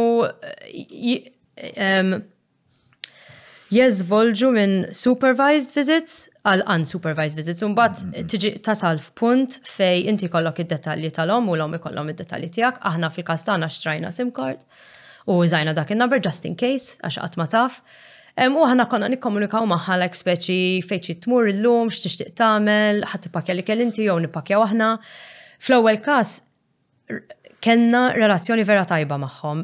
Fil-bidu ma kienieċ tajba, imma mbagħad ovvjament meta bdejna naħdmu fuq għedna aħna ħanaslu f'dan il-punt fej jew ħajkonna relazzjoni tajba u ħadd tigwadanja t-tifla jew inkella ħanoqogħdu niġġieldu isna isna tfal żgħar u t-tifla ħassofri. Jiena u lejn ħadna d-deċiżjoni li speċi ħanamlu minn kollox biex inħeġġu il-relazzjoni ta' bejnietna mal-lom bioloġika ta' tifla u mal-familjari tagħha, jiġifieri the extended family, li wasalna f'punt li fl-aħħar ġurnata mbagħad huma stidnuna d-dar għal farewell party, welcome home party, tajda kif trid. And we printed out a booklet, which the mother may or may not show her when she's older, about where she spent 10 months of her life. For us, it was closure as well, because we needed to do it. Oh, nice. it started with a family picture of us and it ended with a family picture with her biological mother Jeez. and her journey towards that reintegration and how much her mother loved her because she worked very hard to get to that stage. Um, no, I've never looked at it again. We gave her the hard copy and we gave the soft copy. We still have photos of her in our home. And my mom still has a photo of her on the proverbial mantle. But um, she'll forever be uh, our, fa- our, in our family. She'll forever be in our hearts. You know, she was our first child. She was the child that rocketed us from endless fights of I can't do this again. I don't want to do this again. What the heck are we doing? Are we suckers for punishment? To that was the first point we nearly ended our relationship because I realized that this was a vocation for me, and Lil realized that this was maybe too hard. And then after our first placement left, we told Apoch not to talk to us for a month. Three weeks into that month, the second lockdown happened. And Lil was preparing dinner and she just turns around and tells me, Allura xanamlu? Again, this like is a famous statement in our house now. Uh, and she, I told her, xanamlu, what, babe? She told me, should we call Apoch? And I'm like, I'm like a sec. A sec, I'm like gonna record this. And um, some after we laughed about it a bit, we told Apoch that we're ready again. And we got our second placement who's still with us. Which was meant to be she was it was meant to be a respite case. She was meant to be with us only for eight weeks. And now she's a year and a half. She's super, super cute. Super cute.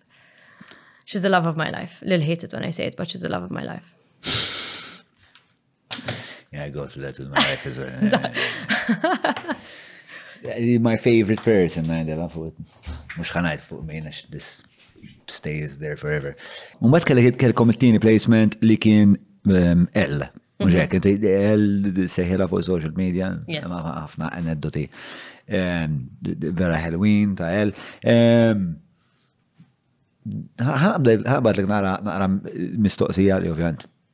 Interament għax taqsam ma' suġġett u ma' naqbdu naqra forsi traġit ta' jellu kol. Ehm, bħala bħala missier dejjem isak tħoss li minti xa tamal bizzejiet. Ma nafx t-esperienza għandi di? No, ma nistax najt li għat tifukajt fuqa, dejjem tista' tagħmel aħjar milli qed tagħmel jekk joqgħod tifoka fuq dak li tista tagħmel ma tagħtix l-attenzjoni tiegħek fuq dawk l-affarijiet li qed tagħmel. Mhm. So no, jiena personalment qatt ma ħsibta li stajt nagħmel aħjar.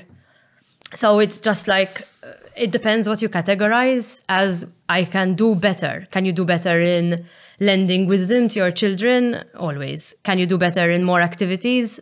Dak fatt. Imma mm-hmm. what are you going to quantify as better? Because for me, an hour with her, even just sitting on the couch playing around with blocks, is valuable quality time. I don't need to bring out all my Montessori toys and make sure that she says letter A because she's one and a half. For me, that is what I value. And I don't know if that's what was your question, but you can always do more as an adult or as a person or as an individual. But also, what you're doing should be enough. Eh, le, bżaqsetilek, eh, ħafna drabi nħos li jienu l-mara li ġrilna, meta fl-axħar insibu moment għalina fejn kunu ferret neħdu gost u nixxalaw ftit għax kemm jien kemm mara tiegħi għaxara tur ukoll.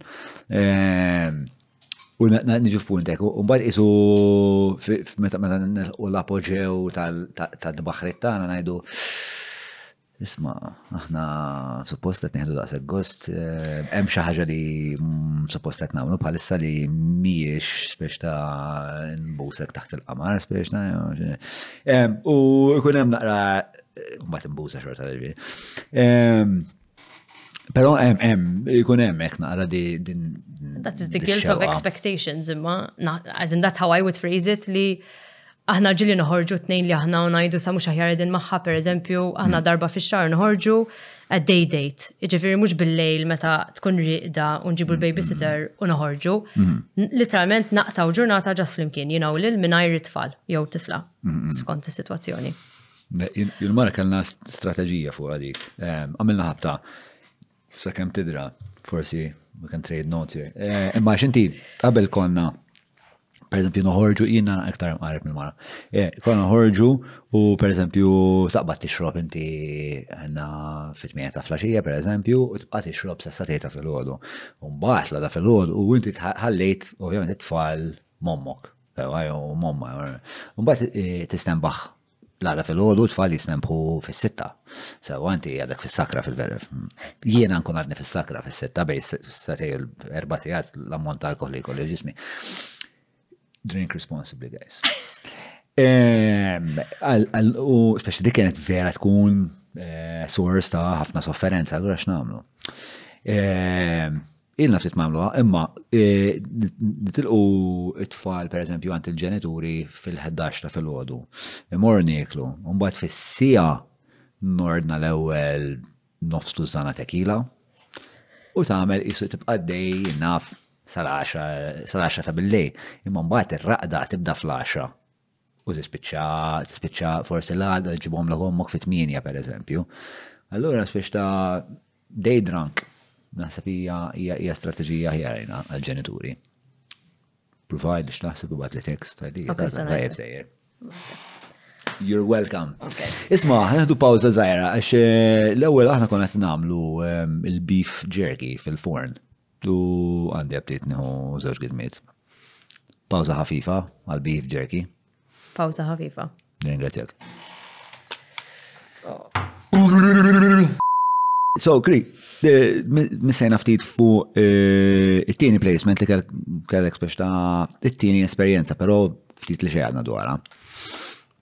Tina sommarju hekk ta' dak li Tixtieqna nkunu nafu dwar dik l-esperjenza. It was a baby. It was a two-week old premature baby that we knew nothing about. Right. And not nothing about the child, nothing about babies. Boz, mux għat nara wicċa jek kemma. Ma. Inti mux tara. Ej, ej, ej. No, xorta, I'm not saying him. Xismu. Okay. Yes. Um, I have to. So two week premature baby, which you knew nothing about. Yeah, we knew nothing about babies we had had a placement that was one till she was one and 10 months, and that's uh, relatively easy. They eat, they drink, they talk, they walk, super easy. A baby doesn't do any of these things. So it, for us, it was, we got the phone call, it was a Tuesday, it was a video call, and we said, okay, they're going to tell us something important. And they told us there is a baby girl or a baby boy. And they both need placements and they said, but that the baby girl was slightly more urgent. So we said, okay, then kind of decision made, we're going for the baby girl. Right. Um, and thankfully, with the Instagram page, other than spreading awareness, we made a lot of kind of new acquaintances and new friends, people that uh, really helped us out on our journey as well that we wouldn't have expected. Um, so it, it was it was my mama, the other Instagram page, who especially we became really good friends with, and we sent her a text and we're like, we're getting a baby, we need help.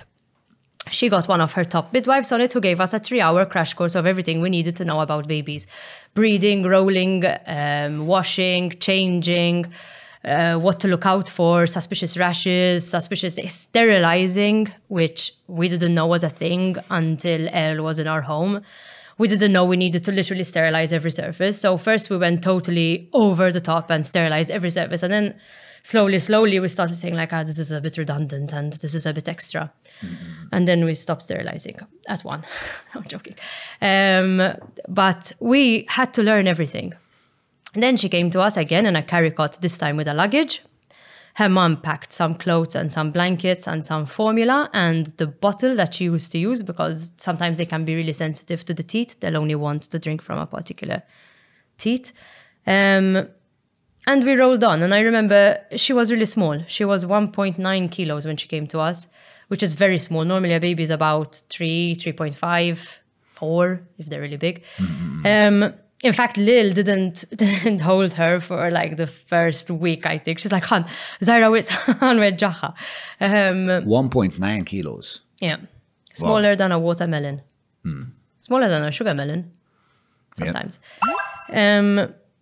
she was really small and really sweet. Loved to be kept warm. Lo- loved to sleep, which was great. It was a gift from up above. Um, and again, because it was during the second lockdown, we were able to meld into her routine more than she had to accommodate and meld into our routine. So it was sure. it was a bit easier that we got that head start. And to be fair, she was meant to be with us only for uh, two and a half months. So we said we're either going to manage, be okay, the two months will go well, and then she'll be adopted, or uh, the two months are going to go terribly, we're going to die, but it's just two months and there's a way out, and then she'll be adopted. Um, those two months became four months, then became five months, then became 11 months, and now she's a year and a half. Um,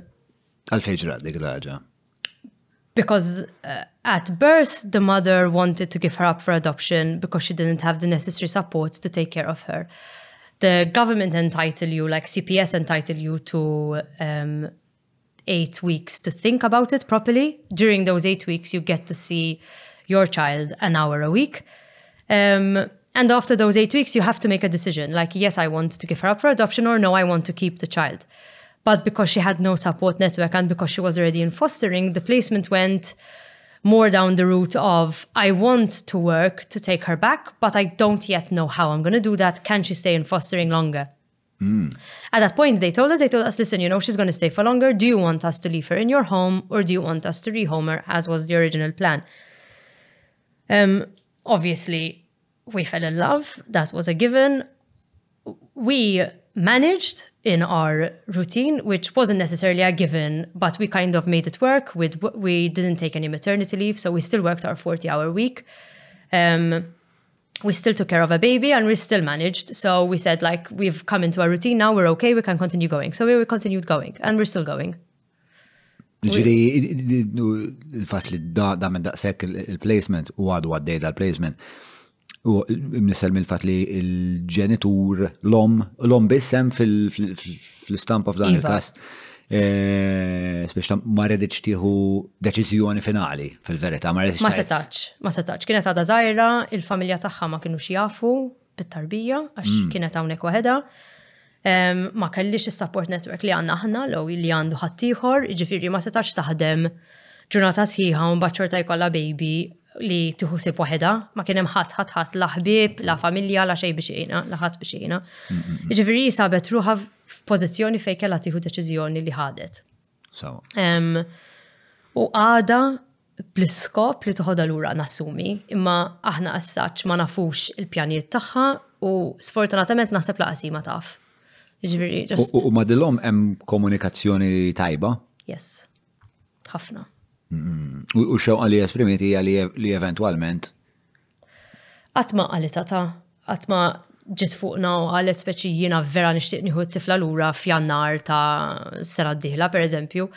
Ġast qed tara tgħidilna li tħobba, tgħidilna li hi vera ferħana li sabet lilna u li qiegħda magħna, li tara li aħna vera nħobbuha u li blajnuna tagħna hi tista' taħdem għal deċiżjoni li forsi tasal tieħu, ma ma nafux x'inhija d-deċiżjoni tal-issa. U issa kemm ilha magħkom għax. Eh, sena u nofs. Sena u nofs, xieġi għandek ta' ġimatej għatli? Yes. Ġesu, ġimatej. Ta' ġimatej? Yes. Mux xarej, le. No, two weeks, two weeks. Two weeks. 14 days. Jesus Christ. Yes. Eh, for all intents and purposes għat-tifla inti omma. Fis-sens ta' Jina u lil. Intu lil. Mhm. Fis-sens di meta tkun daqshekk żgħir, inti you're reliant on very primal ways of identifying your yes. mother, which is smell, like smell, sight, sights, mm -hmm. the sound of your voice. Exactly. U l-immaġna ma nafxej fuq development the psychology tal-viri, imma nimmaġna li dawn huma affarijiet li mbagħad jiġu vera deeply ingrained ġol persuna. If and when the integration is done well, it can be done in a healthy way that she'll form an attachment and that there'll be closure and that it won't be punto e basta, you know, for the child. But yes, essentially, punto e basta for the child. It's not like when a care order is issued and the child is taken out of their original home and placed with another home, and it happens overnight or in a week. Yeah. If the reintegration were to come to it, it would take long, six months, a year of slow introductions right. to uh, more frequent sleepovers, weekend sleepovers, week sleepovers, until eventually then there's a cutoff point. It's never going, when the directorate focus on an integration, it's always done very carefully to make sure that the child is safe in terms of bonds, attachment, and losses and there's still going to be a massive loss. I mean, the difference is tangible. Even when my mother goes to pick her up from childcare, she doesn't want to go with my mom and she looks for me. Mm-hmm. And when she sees me through the window, she stamps her tiny little feet and starts shouting out for me, which is the cutest darn thing I've ever seen. Mm-hmm. Um, and that to me, I struggle with it sometimes, I'll often be in the car and I'll think like ara naqra x'qed nagħmlu, you know, she knows only us. But it is a risk that we take and I often joke slash not joke with Lil and I tell her like I'm going to find it very difficult for to come back to myself and to you if they ever had to take L away.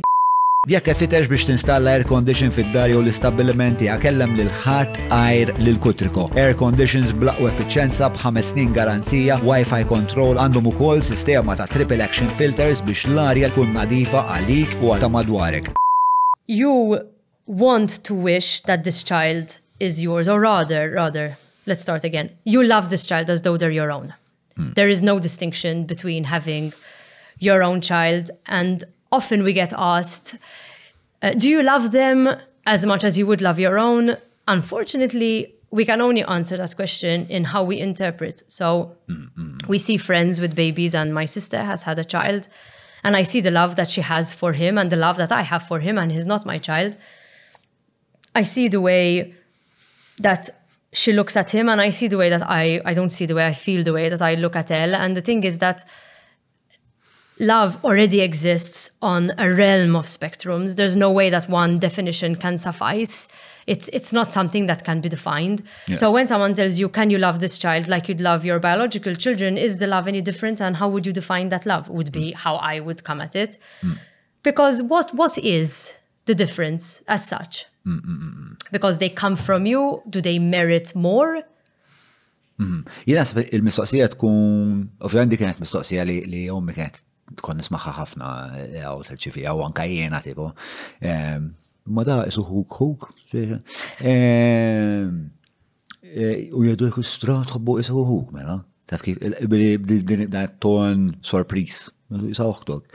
Ehm, jien naħseb il-mistoqsija tkun ġejja mill-fat li ma nafx, isu il-bniedem jekk ma jkunx esperjenza ma jistax jgħidlek, speċa ma nafx, però naħseb li hemm jiena naħseb li hemm nies li huma mamulin ċertu mod li huma kapaċi li jkunu ħafna iktar miftuħin li iqarbu nies li mhumiex demmhom viċin tagħhom naħseb hemm min għandu iktar dik mill-proklività minn ħaddieħor. Ma nafx, għax jiena qatt ma ħassejt wara snin trabbejt f'dal-environment, f'dal-ambjent fej isma' illum eh, din is-sodda tiegħek, imma għada din is-sodda u kull ma f'dil kamra tiegħek u ta' dat tifel li l-tajt miegħu ħames minuti ilu. Eh, eh, qatt ma kell PlayStation, Super Nintendo. Super Nintendo wkoll, Super Nintendo wkoll. Speċa u dik, speċa kienet in-norma f'ħajti Jien di qatt ma ħassejta wis ta' bioloġiku, mhux bioloġiku, eċetera, eċetera. Però nista' nimmaġna li hemm element evoluzzjonarju wkoll tiegħu jista' jkun ma nafx. Li inti speċ ta' DNA tiegħek, speċ l-ġeni tiegħek iktar tipprova tipproteġihom tħarisom tara li jkunu protetti biex jkun jistgħu jipprokrew huma eċetera eċetera eċetera. then I think we try to define the undefinable. The,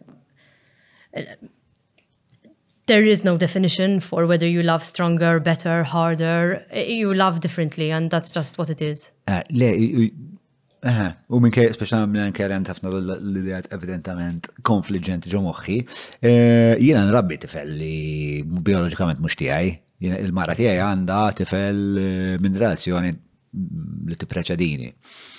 Ehm, u da l-tifel ġviri u tipo He's my favorite person in the world. Eh, eh, but my wife is my best one, is the best one, but the kid is the favorite one. Ehm, Issa għadna kif kont fuq Cruz mi għal baz li ħadna jena u ġiviri. Mela, inti tkellimt fuq Ehm, kif ikun hemm ħafna nies li qed jikkontribwixxu biex ehm, it-trawwim isir kif suppost jew jew li inti kollok bżonn ħafna jnuna. Sewa, minn nies differenti semmejt play therapist, therapist ta' kull varjetà. Ehm, hemm punt fej wis opinjonijiet jisiru problematiċi, tipo jkollok kważi choice paralysis. Iva, imma mhux fil-mod kif qed tgħid inti mela l-aħħar każ aħna ddeċidejna biex indaħlu opinjonijiet differenti għax kellna bżonn lajnuna. f'każi li aħna esperjenzajna ġifiri l-ewwel dix titfal li kellna, aħna konna mela jiena u lejn is-social worker tagħna, u mbagħad hemm is-social worker tat-tifla li mhm. tieħu ħsieb it-tifla u il-komunikazzjoni bejna jiena u lil it-tifla u omma. Umbagħad hemm is-supervisor li tkun hemm għal access visits mal-om, umbagħad hemm is-social worker tal-om, ġifieri hemm ħafna nies involuti f'kull każ. Hmm. Minn Credit Info tista' takwista kull informazzjoni li teħtieġ dwar il-klijent tiegħek, ir-rati tal-kreditu, maniġjar ta' riskju, konnessjonijiet li għandhom ma' kumpaniji oħra fost oħrajn. Bekk id-deċiżjonijiet tan-negozju tiegħek ikunu mirquma u korretti. Credit Info, Inspiring Confidence. Isma, all in all, kif eh, kollok tamil li rendi kontek tal-istoria tijak fil-fostering sissa? Mm, kif tqisa? Kif tqisa l-esperienza? Fil-qasir? Le, xej ma jisir fil-qasir ta' għek. Humbling. That was very short. Mm, okay. That was very short. I am grateful for everything that I have learned. And I wouldn't have had it any other way. I feel very humbled. Great. You're moved, Adele. Isma jgħan l-ħar misto sija naħseb. Ġerment, ġerment dinja gidba.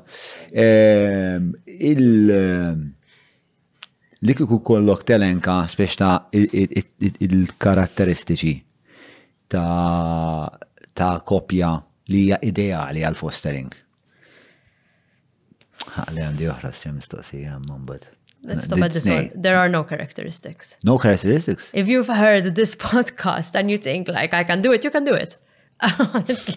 And also, we didn't have the characteristics we have now. Unless you're fucking drunk, right? Fil-kas isma għada fil-ħodu. Ideally. If I had the characteristics I have now, and if Lil has them, and if we as a couple have them now, then we've learned nothing. And the whole point of embarking on any journey, even if you're going to be biological parents, even if you're just not going to be parents at all, but you're going to be a better version of yourself, you're going to learn. So the characteristics start at one. We were ambitious, we were eager, we were selfless, we were like, yes, we can totally do this, we were go getters, we were very positive. Now we're not so positive. We are burdened and we are hurt and we are angry and we are frustrated. But that is perfectly juxtaposed with grateful and happy and emboldened to be able to go on this journey and to experience it with the woman that I am going to marry and the woman that I want to spend the rest of my life with and with the children that will walk through our threshold and will leave. Yeah. But our life is our life and it is constantly molding. That is why I love it. We've often had the conversation that Lil would tell me, We are no longer who we were. I miss us. And I would tell her, Which us do you miss? Which us? Oh, first year us, where we were bantering and we were joking about how this was not going to last and it was like our one night stand prolonged. Or the second year us, where we got a puppy moved in, or the third year us where we decided to start thinking about fostering, or the fourth year us where we got a child and lost a child. The fifth year us where we got a child, lost a child, got a child, kept a child. The sixth year us where we're thinking about getting married and going abroad. And what's her answer? Which us did you lose? Which us is she There is no us. We are us. Each year made us. We we are an addition of multiple years. We are our age because we have year, lived those years. We don't lose them. People who say like I miss what I was when I was 18. You are what you were when you were 18 plus wiser, stronger, better, I more think, knowledgeable. I think what people miss is generally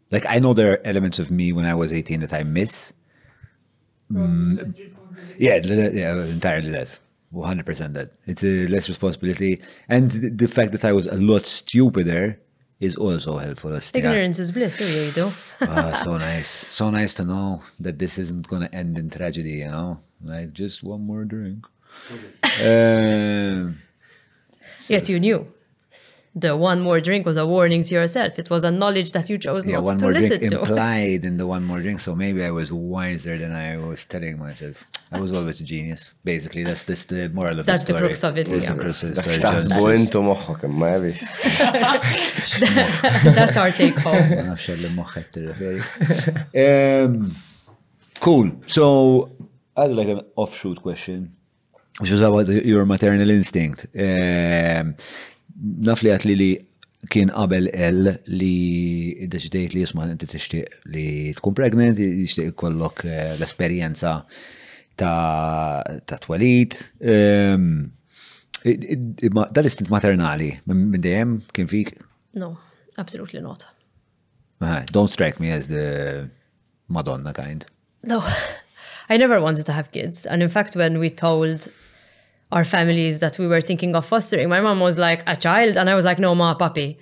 Um, she was like, but you never wanted children. And I was like, yeah, I guess. But how exciting is it to discover that what you thought you didn't want is actually what you wanted? No. I have this discussion with my friends who are going through the should we have or should we not have kids? And I joke a bit and I say it was fostering that gave us that taste. And even though respite fostering comes with the same training and the same eh, emotional turmoil, it allows you to fluctuate in and out of parenting. And if you feel that you can only give for a short period of time, that is also needed. That is also good. You don't have to be permanent parents. You don't have to be biological parents. You don't have to be um, not parents because there isn't an alternative. You just have to be a good human being. a good human being with a good support network and pure intentions. Yeah, uh, but your maternal instinct, ġiet ġviri bej l-ewel placement u t-tieni? No, the first placement. Fl-ewwel placement. During the first placement I realized that I wanted to go through everything with a child. Homework, learning how to ride a bike, everything. Xinu l-pjan fit-tul, fil-sens tarakom eh, tkomplu f'dan it-traġitt tal-fostering, eh, għandkom pjan ġil poġġejtu bil-edal day at a time kind of thing? We were taught not to plan. Hmm. It has taught us, everything has taught us, whether it was eh, the first placement, the second placement, our journey to get pregnant, the third placement, the failed placement, our life, we have taught ourselves not to plan. every year we have said, My Lord, how we've struggled this year. My Lord, what we've lost this year. But also what we've gained. And uh, even though I joked a while ago about what next year has in store for us, I shudder to think if it's going to be similar to this year or last year or a combination of both or worse or better. So planning at this point is futile. And I believe in business plans and I believe in business projections and I believe in business growth, but I absolutely don't believe in life plans or life projections. I just Just roll with it. Life is what happens when you're busy making other plans. Eżatt. John Lennon. John Lennon. Eh, il-patruni jistaqsu minn ġuba lilkom minn eh, min Derek Means. 9986-6425 jek tixtiqu li Derek iġibilkom ehm, laħam id-dar li ħaġa li għamilt jiena dal-għoddu stess, eh, max palessa jgħet fuq d-dieta, għadni ġej minn Cruz. Um, I'm, under the shirt I'm humongous. Um, u speċ ta' tlabtu biex jagħmel li kollox pakketti ta' 200 gramma ċanga, 200 gramma tiġi ċuwek. Um, u kollox ġi um, kif xtaqtu u saħħajdi ħafna ktar faċli. Però aktar minnek, aktar minnek, guys, Il-burgers ta' Derek. Il-burgers ta' Derek li meta nġibuhom l-avvenimenti tagħna eh, morru mhux tajjeb ta' ma spiex ta' kun hemm xeba ġlied joħorġu l-fliex kien għalihom. Għart, ftit qed neżaġera, imwies, sar imwies naslu. Eh, imma ħe, jekk inti isma' ħalek, jekk inti restorant u trid burger ta' vera fuq il-menu tiegħek. Ibgħat li bro, nlaqqakom. Forsi nibdew naddu naqsa ħdejkom. Mela, 99664 jekk tixtiequ li Derek jasal fejnkom. Mela, l-ewwel mistoqsija minn xi ħadd li inti assolutament ma tafx qatt ma ltqajt magħha f'ħajtek. Ehm, u li ma kienx il-persona li fil-fatt laqqatna, Marja Gawċi. Mela ġija patruna ferm kommessa eh, lejn l-irwol tagħha ta' champion. Teċ kien parlaw ta' ma' Marija ħana. Eh, so, eh, question one. Marija, ta' mux soltu tiktab l-Inglis. Uh, eh, what qualifies a person slash couple to be a foster Malta? We kind of covered that. Do people get paid uh, to foster locally? You get social benefits to okay. foster. It depends on the child and the child's needs. So there are different uh, tiers, I guess, if the child is undergoing a lot of therapy and needs a lot of uh, private care and is going to require more financial needs, the government tend to help out a little bit more. And that is decided not by yourself, I by the foster carers, but by the social worker and the directorate. Um, the, however, having said that, the financial aid should never be a motivating factor to foster children. It is in no means a substitute to what financially affording a child is, yeah. um, it is an aid. Il-podcast ta' John huwa proġett indipendenti u ħieles mill-influenzi tal-partit il-kbar u l-lobby groups li jorbitawhom. Bekk jista' jibqa' jiġi mtella biss jekk inti tgħin. Jett nappellalek biex iżżur il-ħolqa ta' fuq jew jekk qed issegwi lil mill-YouTube billi tidħol ġewwa patreon.com forward slash John Mallia u tina daqqatit. Tinsiex, il-podcast ta' John huwa l-podcast tagħna l- Bidik ħadwa. Għafa sabru. Mela, eh, next question from Anonima.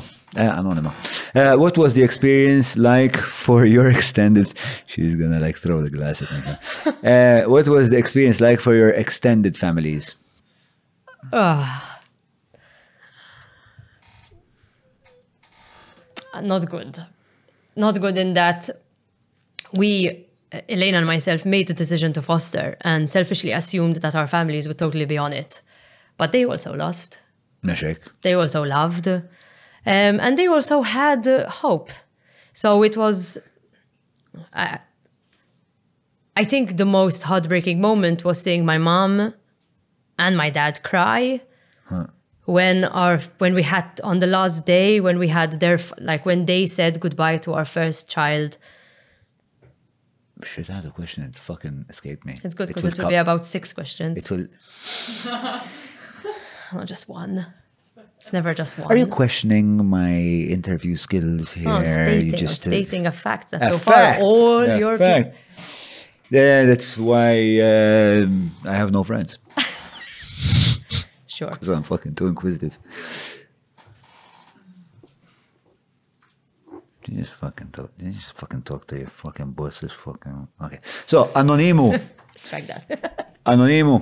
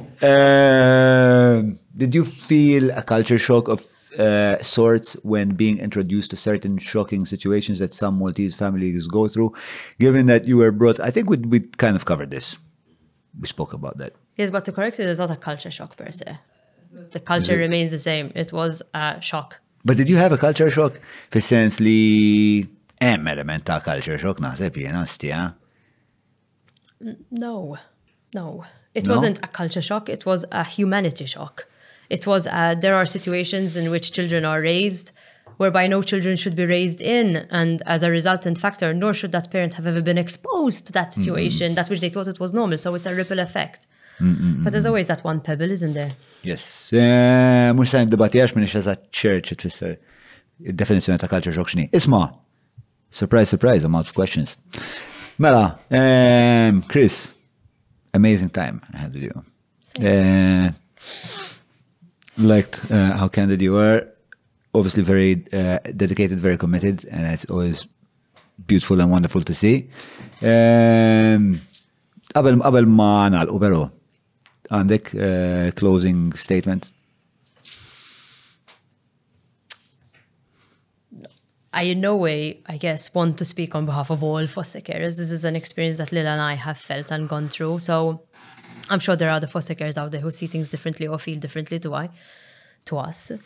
Um, but thank you for the opportunity to share that, we, that which we go through every day.